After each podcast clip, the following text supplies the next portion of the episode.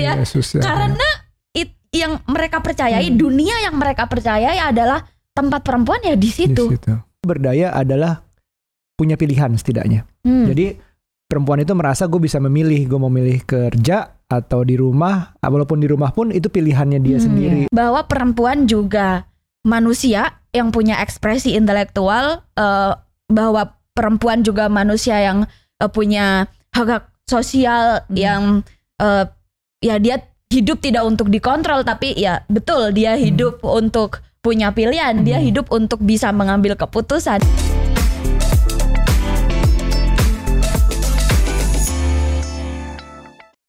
Halo parents, kembali lagi di podcast Curhat Babu, curhatnya Bapak dan Ibu Hai parents, apa kabar? Di sini masih sama Aryo, Ed Shegario dan Ibu. Min Eh, apa. Ibu Nuca? Eh, Ibu Bahari aja, oh, Nuca. Bahari. Aku mau oke. rebranding kan jadi Oke, Nuca aja. Soalnya kamu kan seorang alpha female, jadi aku harus hati-hati menyebutnya ya nggak sih? Oh gitu ya. Heeh. Eh, kalau aku jab- jabatanmu apa sih? kalau aku alpha female, kamu nanti nunduk nggak sama aku? Enggak, enggak, enggak perlu bener kayak gitu. Aku Bravo. Apa sih habis alpha berarti Bravo? Bravo, bravo.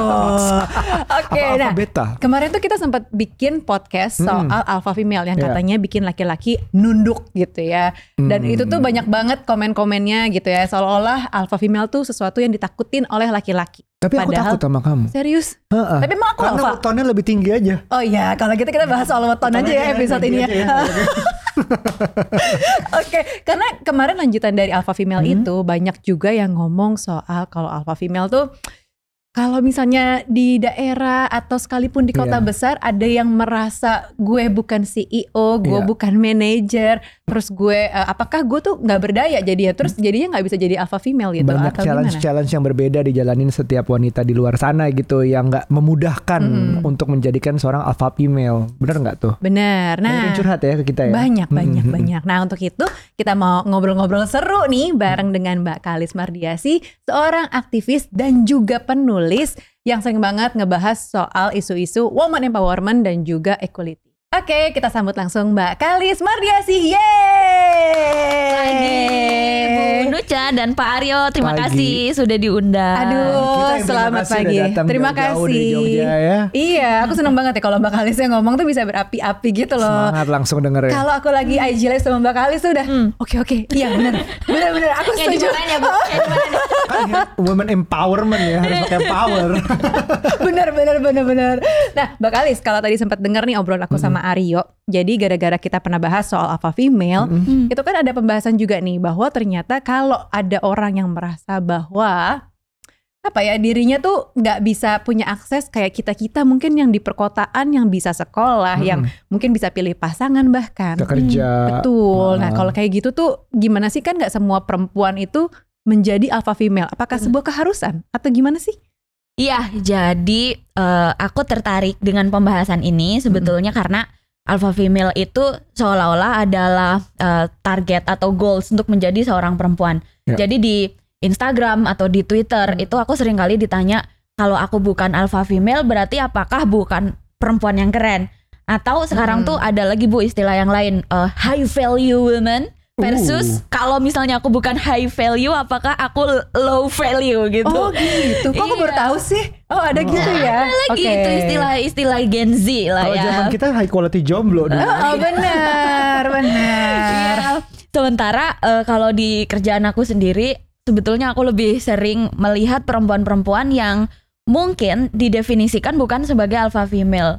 Misalnya ketika aku ngasih pelatihan di Hmm. desa-desa gitu ya, Heeh. eh, itu kan eh, banyak tuh ibu-ibu PKK gitu. Mm. Tapi nggak semua ibu-ibu PKK itu juga percaya diri Hmm. atau heboh gitu loh. Selalu ada ibu-ibu di dalam ruangan Hmm. yang ah, dia milih duduk di kursi paling belakang. Terus ketika aku deketin bahkan misalnya hanya untuk berkenalan, itu ibu-ibunya nunduk gitu. Semakin aku deketin itu semakin nunduk. Dan misalnya cuma disuruh kenalan, ayo bu, namanya siapa gitu, dari kecamatan mana. Itu dia nunduk dan nunggunya tuh lama banget kayak lima, iya iya iya gitu kan. Gitu. Jadi itu tuh realita di eh, pedesaan gitu. Terus misalnya juga di sekolah-sekolah ketemu eh, anak-anak SMP, SMA yang eh, dia dari eh, kabupaten pinggiran atau Hmm. wilayah-wilayah yang terjauh dari Indonesia gitu ya. Kadang-kadang eh, bertemu dengan pelatih gitu. Mereka tuh sama gitu. Jadi kayak yang dia cuman nunduk Uh. aja eh, nggak punya keberanian bahkan untuk menatap mata orang gitu. Karena eh, apa ya performa fisik misal itu misal mereka merasa kadang inferiornya itu dari oh aku berbeda. Misalnya kalau dari Indonesia Timur aja gitu ya. Misal dia merasa Hmm. berbeda terus atau kalau tubuhnya kecil gitu sedangkan yang menjadi pelatih dia tubuhnya lebih besar. gitu ya. Itu tuh udah menimbulkan inferioritas dalam dirinya sendiri gitu. Jadi banyak banget realita-realita yang aku temuin di lapangan. Terus gimana dong gitu? Dari situ makanya aku bilang bahwa sebetulnya setiap perempuan selalu punya battlefield masing-masing Iya. Betul. dan yang penting adalah prosesnya gitu proses apakah eh, dalam perjalanannya dia bisa mencintai dirinya dan dalam perjalanannya dia bisa ini kalau dalam bahasa aktivis kayak Fafifu banget ya bisa menuju kepada pembebasan Oke, oke. Aku aku ngerasa sih, aku ngerasa di saat uh, di adat Jawa ya yang, Hmm. yang yang yang dulu banget yang masih masih kental tuh kayak nggak Hmm. ngomong- tuh nggak boleh ngelihat mata yang Hmm. lebih tua, Hmm. yang lebih apa ya kastanya lah lebih tinggi, lebih berhasil. Bahkan bukan cuma perempuan Hmm. doang, di laki-laki pun juga kalau salim nunduk terus Hmm. nggak kalau ngomong injeh injeh gitu, tapi nggak Hmm. ngelihat matanya. Apalagi perempuan ya mungkin ya. Yes, ini bridging yang menarik banget nih dari Mm. Pak Aryo ya. Jadi di sini berarti alpha female itu bukan sesuatu yang eh, tiba-tiba ada dalam Hmm. diri seseorang. Karena kan Ya, didefinisikan eh, dia mendominasi, dia percaya diri, eh, dia bisa mengatur orang. Dalam artian itu traits-traits yang biasanya mengontrol, mengatur itu kan Ya. traits-traits laki-laki gitu. Tapi perempuan ini punya ternyata enggak gitu gitu karena memang ada eh, ini tadi misalnya contohnya perempuan Jawa dan sebetulnya bukan Jawa aja Iya. gitu hampir di setiap suku yang tradisional itu kan kepemimpinan ada di laki-laki kan ya. ada di ketua laki-laki nah itu berarti kan apa yang diinternalisasi dari dalam dirinya sejak kecil gitu misalnya sampai ya aku pun juga mengalami gitu cah wedok omongannya Nah. banter banget Nah, suaranya itu. banter banget gitu nah ini tadi dari nggak boleh keras gitu ya. Aku harus terjemahkan maaf ya.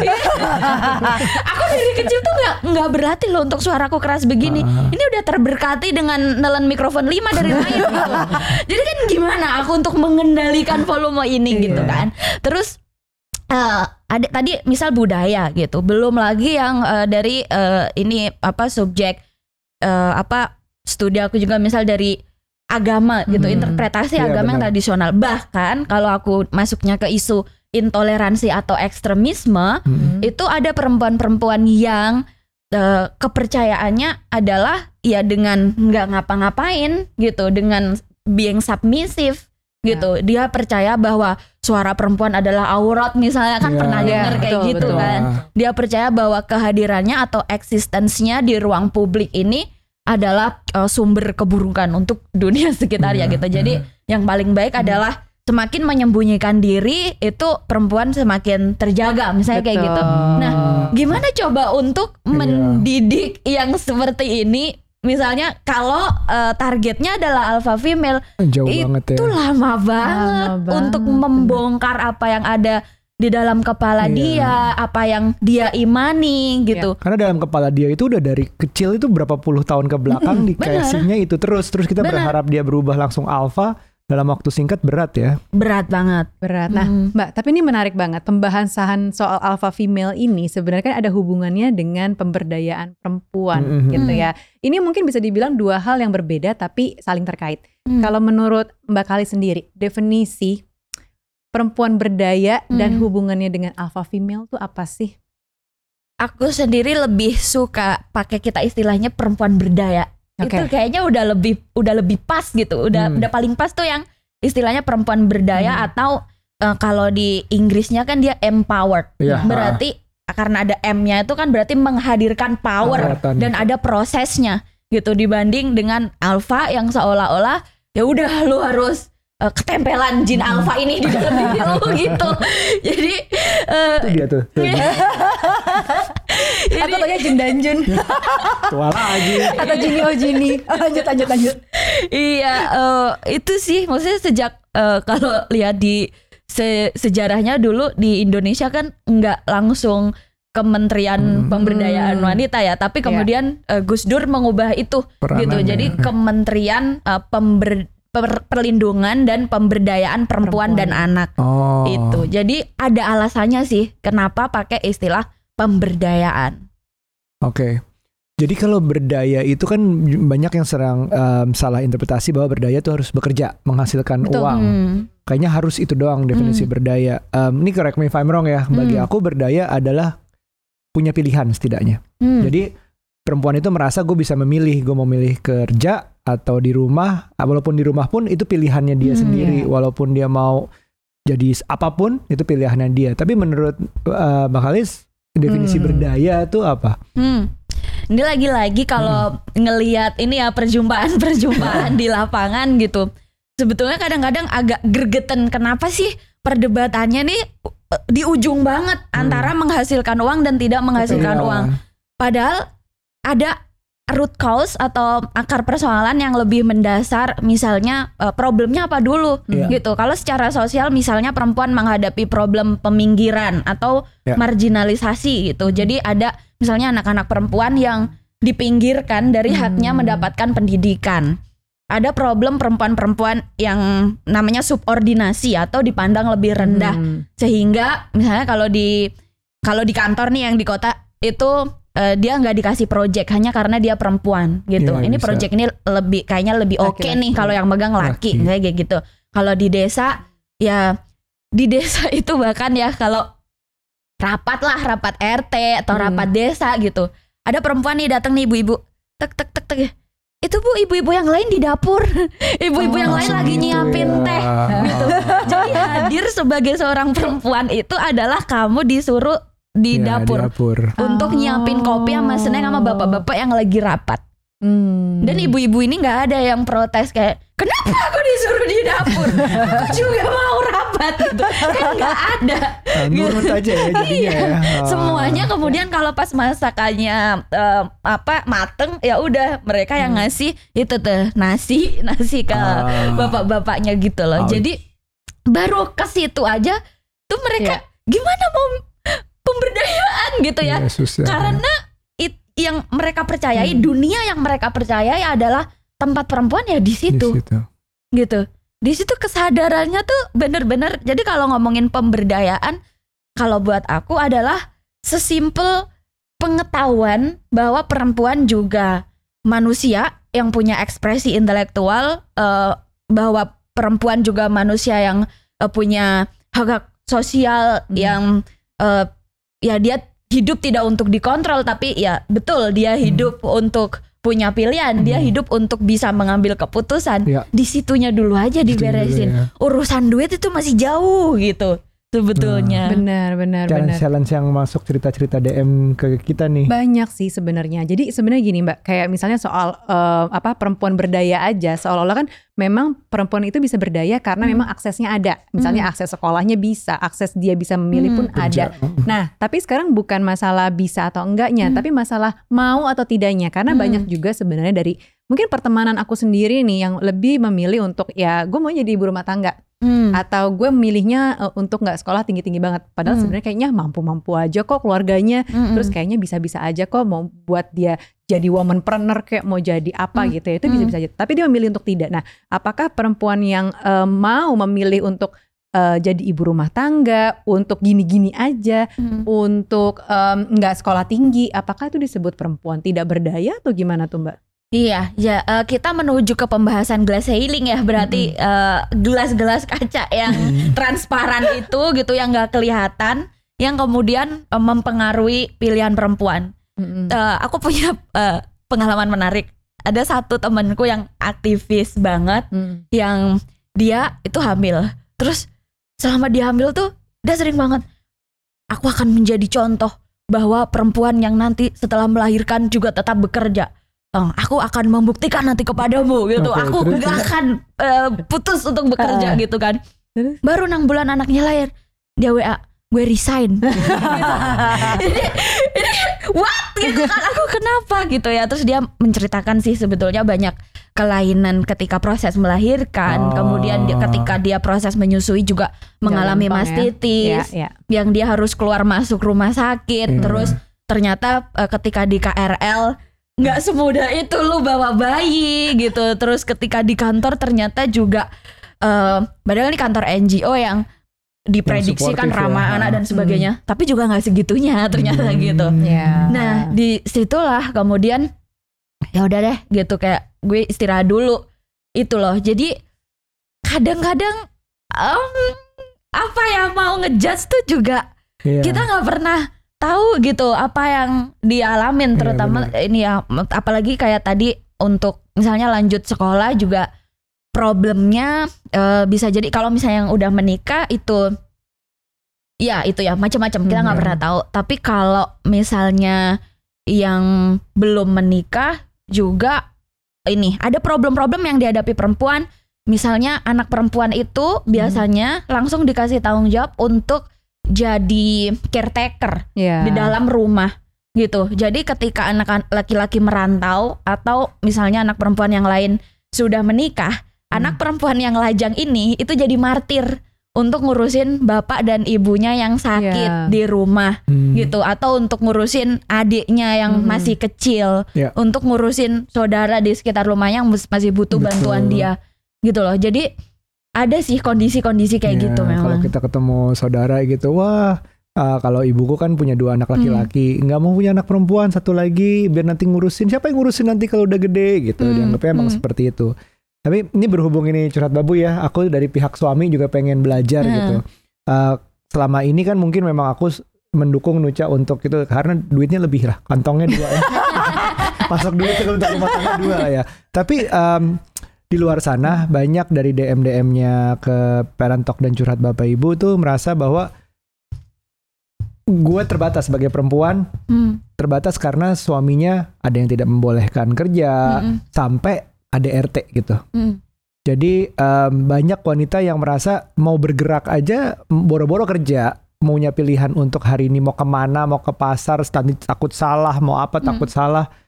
Itu gimana ya? Maksudnya aku melihatnya apa sih dari em, biar para suami di sana juga yang nonton ini juga bisa melihat bahwa eh, kita tuh juga bisa berperan untuk perempuan tuh bisa lebih berdaya mm. gitu. Ya, eh sekarang tuh Pak ya yang Mm-mm. paling buruk, Mm-mm. yang levelnya itu paling bajingan. itu ada- itu adalah yang cowok-cowok yang ini lagi-lagi ngomongin pedesaan ya. Hmm. Itu cowok-cowok yang dia udah lah nggak kerja gitu, dia kena judi online, Hmm. eh, terus kemudian kepinjol arahnya, Ya. Hmm. jadi nyolongin duit istrinya yang kerja Ya. dan dia pula yang KDRT gitu. Jadi ini Hmm. yang tadi sih yang level paling setan tuh di situ sih. Hmm. Jadi kalau ke desa-desa tuh ngasih pelatihan pasti paling banyak sekarang tuh ibu-ibu pedesaan yang curhat eh, suaminya ini kena ya karena kan pop up judi itu kan di mana-mana Iya, ya. iya, iya. Ini emang tugas negara tolong itu dibersihkan itu judi. Hmm. Kalis Mardiasi yang sesoliah ini kemarin di WhatsApp itu kena WhatsApp suruh gacor ini silakan gini. Kena pula ini iklan judi online loh. Nggak Iya, ngerti ya, aduh. Soliah kayak begini aja kena gitu. Tapi kita sendiri ada ya Mbak yang kita Iya. kita Aduh. punya um, ART. bekas ART kita juga Mm-mm. mengalami bahwa ya dia disuruh kerja, suaminya nggak kerja dan KDRT gitu. Iya, Bisa aja gitu. iya itu yang level paling tadi ya level ah. paling iblisnya situ sih ah. sebenarnya. Dan dia disuruh pulang, udah sekarang nggak boleh kerja. Ya, kita bisa apa sebagai ba- sebagai mau bantu juga nggak bisa. Tapi gimana Hmm. caranya?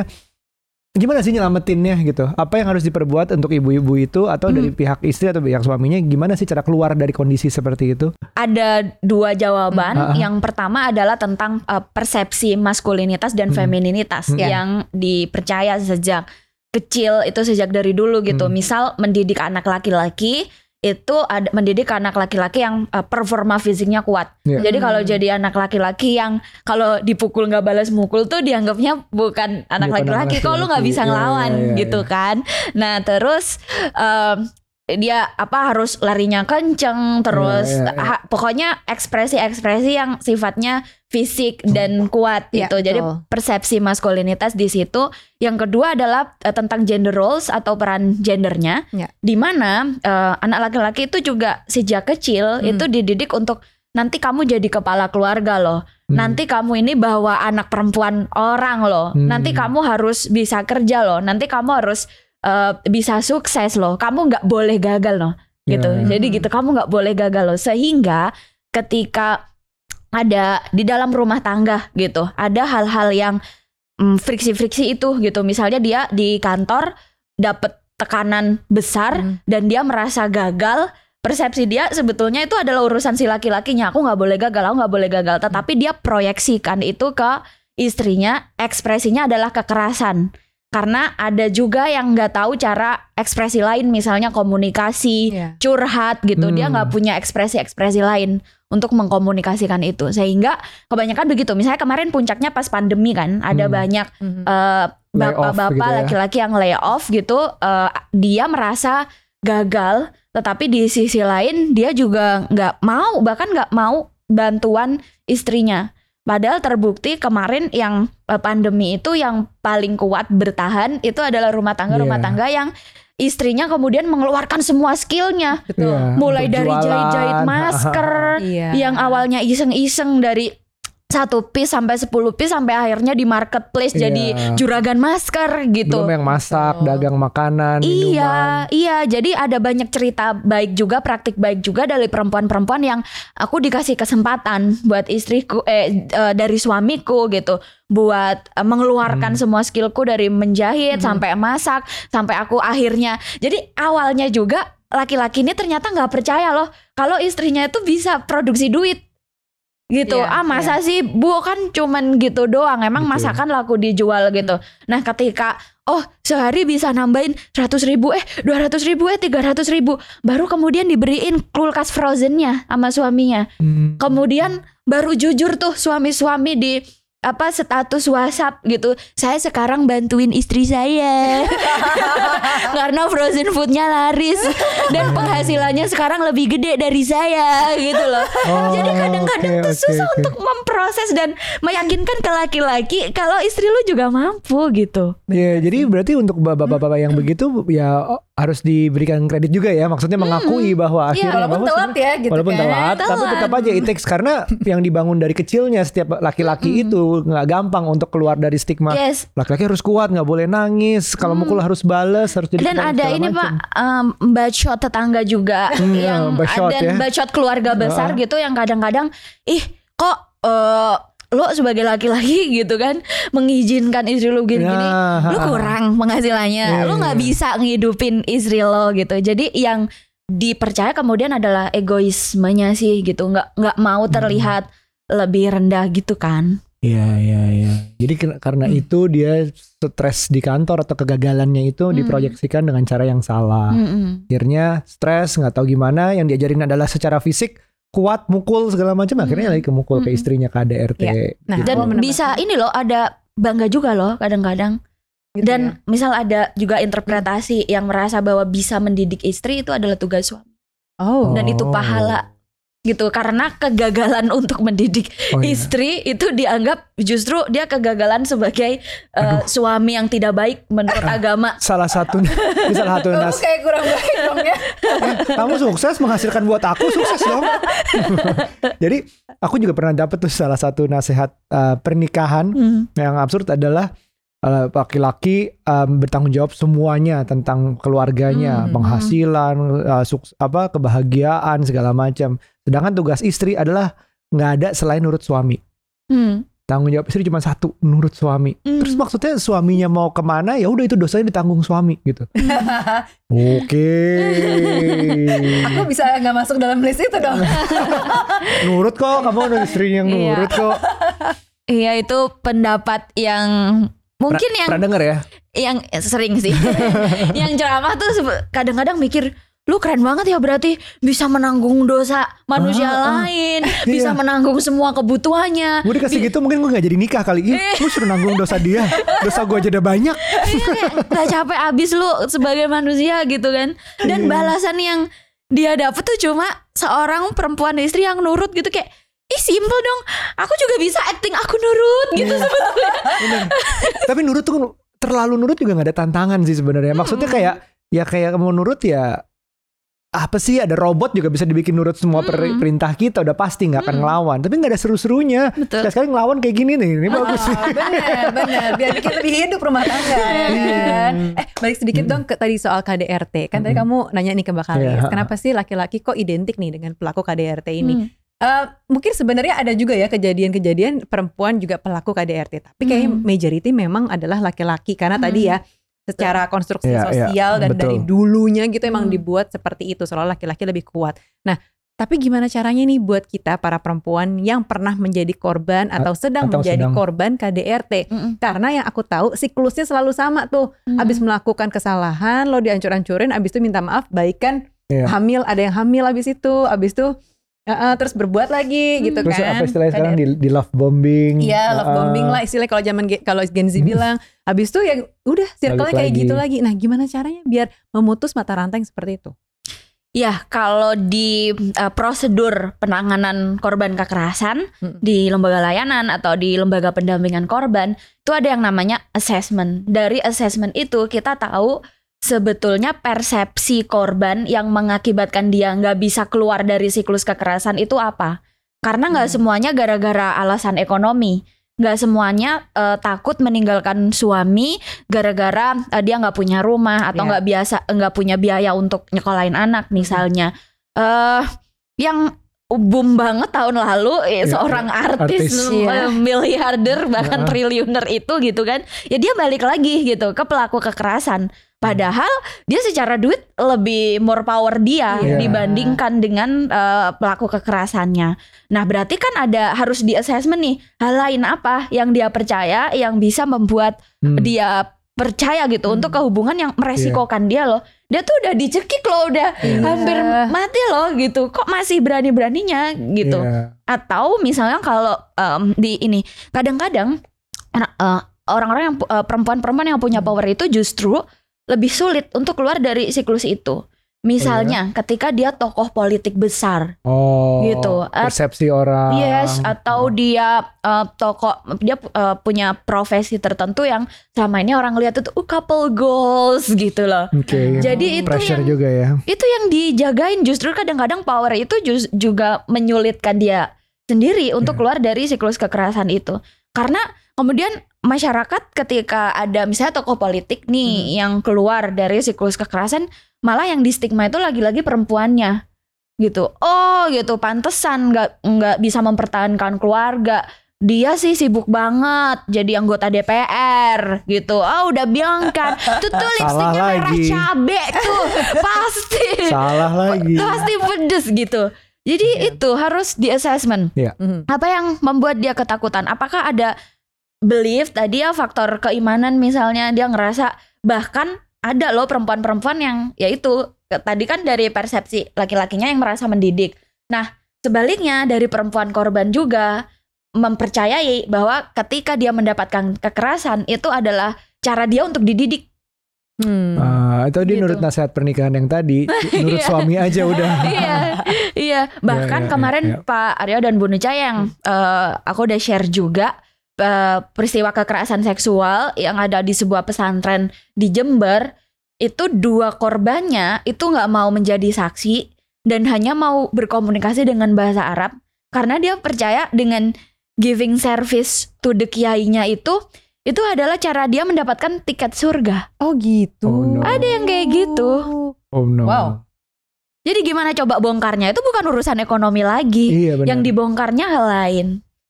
Rumit ya hidup ini. nah, oke, kita balik lagi deh kalau gitu ke eh, pembahasan alpha female tadi.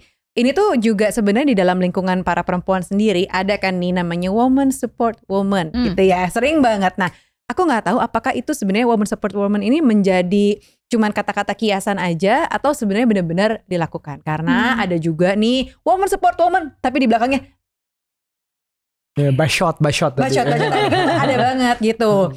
Aku pun juga mengalami loh Mbak Kalis kayak misalnya eh, oh ya Mbak eh, Bu Nuca enak ya eh, bisa kerja, bisa ini, bisa Mbaknya itu. banyak. Pasti gitu. mbaknya banyak nih, neninya banyak. Padahal Kita satu. nggak tahu lah ke mana aku sempat kita sempat nggak ada Sempat mbak les atau mbak les. heeh. Dan ya udah hidup berjalan seperti biasa aja gitu. nggak ada yang bikin Iya. aku jadi nggak kerja, jadi nggak nganterin anak, nggak apa gitu biasa aja. Tapi kan Hmm. orang nggak lihat gitu hal-hal kayak gitu. Kita gitu. langsung ngejudge. Langsung Hmm. ngejudge. Nah sebenarnya ada nggak sih woman support woman ini apa cuman tadi kiasan aja? Iya, padahal juga Bu Nuca membagi powernya untuk mengedukasi banyak ibu-ibu dan banyak Iya. perempuan juga gitu kan. Powernya nggak dipakai sendiri gitu. Nah, eh woman support woman itu sebetulnya kita bicara tentang kerentanan Hmm. perempuan yang hanya bisa lebih dimengerti oleh sesama perempuan. Oleh karena Hmm. itu kita mendukung sama perempuan. Kalau misalnya perempuannya itu punya kuasa dan dia korupsi, itu nggak usah disupport gitu. Kalau perempuannya punya kuasa dan justru eh, menggunakan kebijakannya untuk menghasilkan produk-produk kebijakan yang lebih menindas perempuan, itu juga Nggak perlu disupport gitu. Kalau perempuannya punya kuasa terus digunakan untuk menindas perempuan lain dengan cara merusak rumah tangganya misalnya itu juga nggak perlu disupport gitu Oke. Nah, kerentanan perempuan ini di sini adalah misalnya perempuan mengalami menstruasi. Ya. Nah, ketika anak perempuan menstruasi ini kan banyak sekali eh, kerentanan-kerentanan yang bahkan sesama perempuan sendiri nggak ngerti. Betul. Jadi aku sendiri sebagai pelatih eh, untuk isu kesehatan reproduksi remaja itu aku kaget ketika ada anak perempuan masih di Jawa Hmm. dia bilang dia juga masih mengalami uh, period tabu di mana ketika dia mens dia nggak boleh pakai uh, toilet yang sama dengan keluarga. Hah? Udah kayak anak-anak di Sri Lanka, Bo. Dan itu Oh. ada di Jawa tahun 2020-an ini. Iya. Gitu. Terus ada juga uh, uh, anak-anak perempuan yang mengalami period poverty juga kalau misalnya kita baca data uh, anak-anak perempuan datanya kenapa mereka drop out from schools itu gara-gara fungsi reproduksi termasuk menstruasi gitu karena Kenapa dia kesakitan pas Oh. menstruasi sekolahnya jauh Oh. atau eh, dia kan nggak bisa ya maksudnya eh, kesakitan harus Hmm. jalan kaki dan Hmm. sebagainya medannya berbahaya Hmm. dia memilih untuk ya udah putus sekolah Oh. Atau sekolahnya nggak punya fasilitas yang ramah anak perempuan Iya. jadi toilet sekolah yang ramah anak perempuan itu adalah yang pintunya itu bisa dikunci dari dalam dan eh, nggak ada lubang-lubang itu Iya, ya. iya. Nah itu memberikan rasa aman. Tetapi kan Nggak sekolah-sekolah gitu. nggak semuanya kayak gitu loh di Indonesia gitu. Iya. Oh. Dan itu mengakibatkan dampaknya tuh bisa sampai ke putus sekolah gitu. Nah karena kita nih sesama perempuan yang iya menstruasi itu sakit ya. Iya. Eh, laki-laki bahkan ada yang nggak pernah lihat darah menstruasi aja nggak pernah gitu gimana. Nah di situlah woman support woman itu harus terjadi. Hmm. Yang disebut eh, sesama perempuan mendukung perempuan tuh di situ gitu. Hmm. Misalnya tuh ketika Ya, ya, ya. eh, kita ngomongin vaginismus deh Iya. gitu. Saya sama-sama punya vagina nih kita perempuan-perempuan. Hmm. Tapi baru aja di umur saya yang mungkin 26 tahun saya baru mendengar ada yang namanya vaginismus. Hmm. gitu. Dan ketika mendengar vaginismus itu saya bahkan nggak bisa membayangkan, hah emang sakit ya? Soalnya gue nggak, misalnya kayak Ya, gitu. ya, ya. Terus sakitnya itu di level mana, di derajat mana? Kita nggak bisa membayangkan itu sesama tubuh perempuan. Gimana yang laki-laki Iya. untuk memahami kondisi-kondisi Iya. itu? Di situlah sebetulnya woman support woman tuh penting banget. Hmm. Oke. Wow, nih aku juga punya dua anak perempuan Hmm. harus lebih banyak mengerti perempuan lagi Hmm, nih ya. sekarang nih. Jadi thank you banget Mbak Ali sudah menjelaskan Hmm. juga sama ini bahwa women support women tuh ada nggak ada, tapi intinya harus ada sebenarnya harus ada penting Hmm. walaupun sekarang kita masih ada women bully women. Mungkin sebaiknya dikurangi dan lebih di- didukung karena kita Hmm. laki-laki aja punya jarak susah mengerti. Harusnya wanita-wanita lebih mengerti sesama dan mendukung sesama Hmm. gitu ya. Betul. Oh, belajar Oke, banyak sih. Terakhir deh tips dari eh, Mbak Kalis gitu ya buat kita semua para calon apa ya alpha woman apa perempuan berdaya tuh Perempuan berdaya, perempuan Nah, berdaya. harus gimana sih atau seperti apa sih kita nih untuk menjalankan peran kita sebagai perempuan? Em, menyadari bahwa setiap hari kita berproses untuk mm, menjadi sebenarnya manusia yang bermanfaat gitulah secara umum Hmm, gitu ya. Dan eh, orang lain juga sedang berjuang di eh, battle-nya masing-masing dan itu tidak sama gitu. Jadi eh, kalau kita merasa eh, punya power sekecil apa pun sebetulnya gitu. Karena misalnya eh, ketika kita lihat eh, teman perempuan kita yang lebih gila ya, dia eh, apa-apa bisa gitu. Tapi bisa jadi dia punya kelainan hormon atau bisa Hmm. jadi dia punya kelainan fungsi reproduksi yang itu mengganggu hari-harinya. Ya. Berarti kamu lebih mudah hidupnya dibandingkan dia misalnya. Gitu atau em, eh, di ini aja sih kayak berbagi apa yang apa yang bisa saya bagi ya untuk Hmm. meringankan teman-teman perempuan lain sehingga prosesnya untuk menuju berdaya itu lebih Iya. mudah. Oke, oke. Oke. dibutuhkan lebih banyak empati Ya. berarti ya. Hmm. Betul. Oke, kalau gitu terima kasih Mbak Kalis dan terima kasih juga parents yang udah nonton. Sampai ketemu lagi di podcast kita. Jangan lupa untuk like, subscribe, share, dan komen juga. Sampai ketemu di episode berikutnya. Bye.